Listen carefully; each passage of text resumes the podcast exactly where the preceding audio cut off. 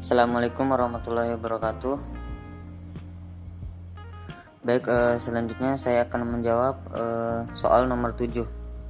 Bagaimana eh, ketentuan antara wa'ad dan muwa'ada? Eh,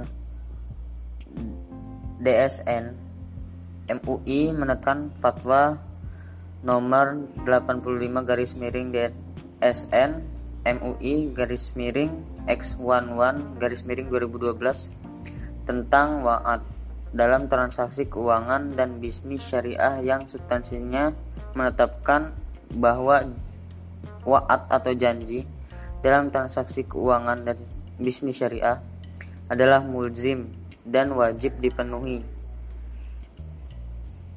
atau ditunaikan oleh wa'id dengan uh, ketentuan ketentuan yang A yaitu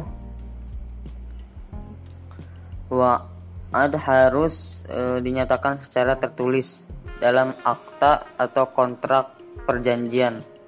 Yang B uh, wa'ad harus dikaitkan dengan syarat yang harus dipenuhi atau uh, wa'ad bersyarat yang C yaitu ma'ud bih tidak bertentangan dengan syariat.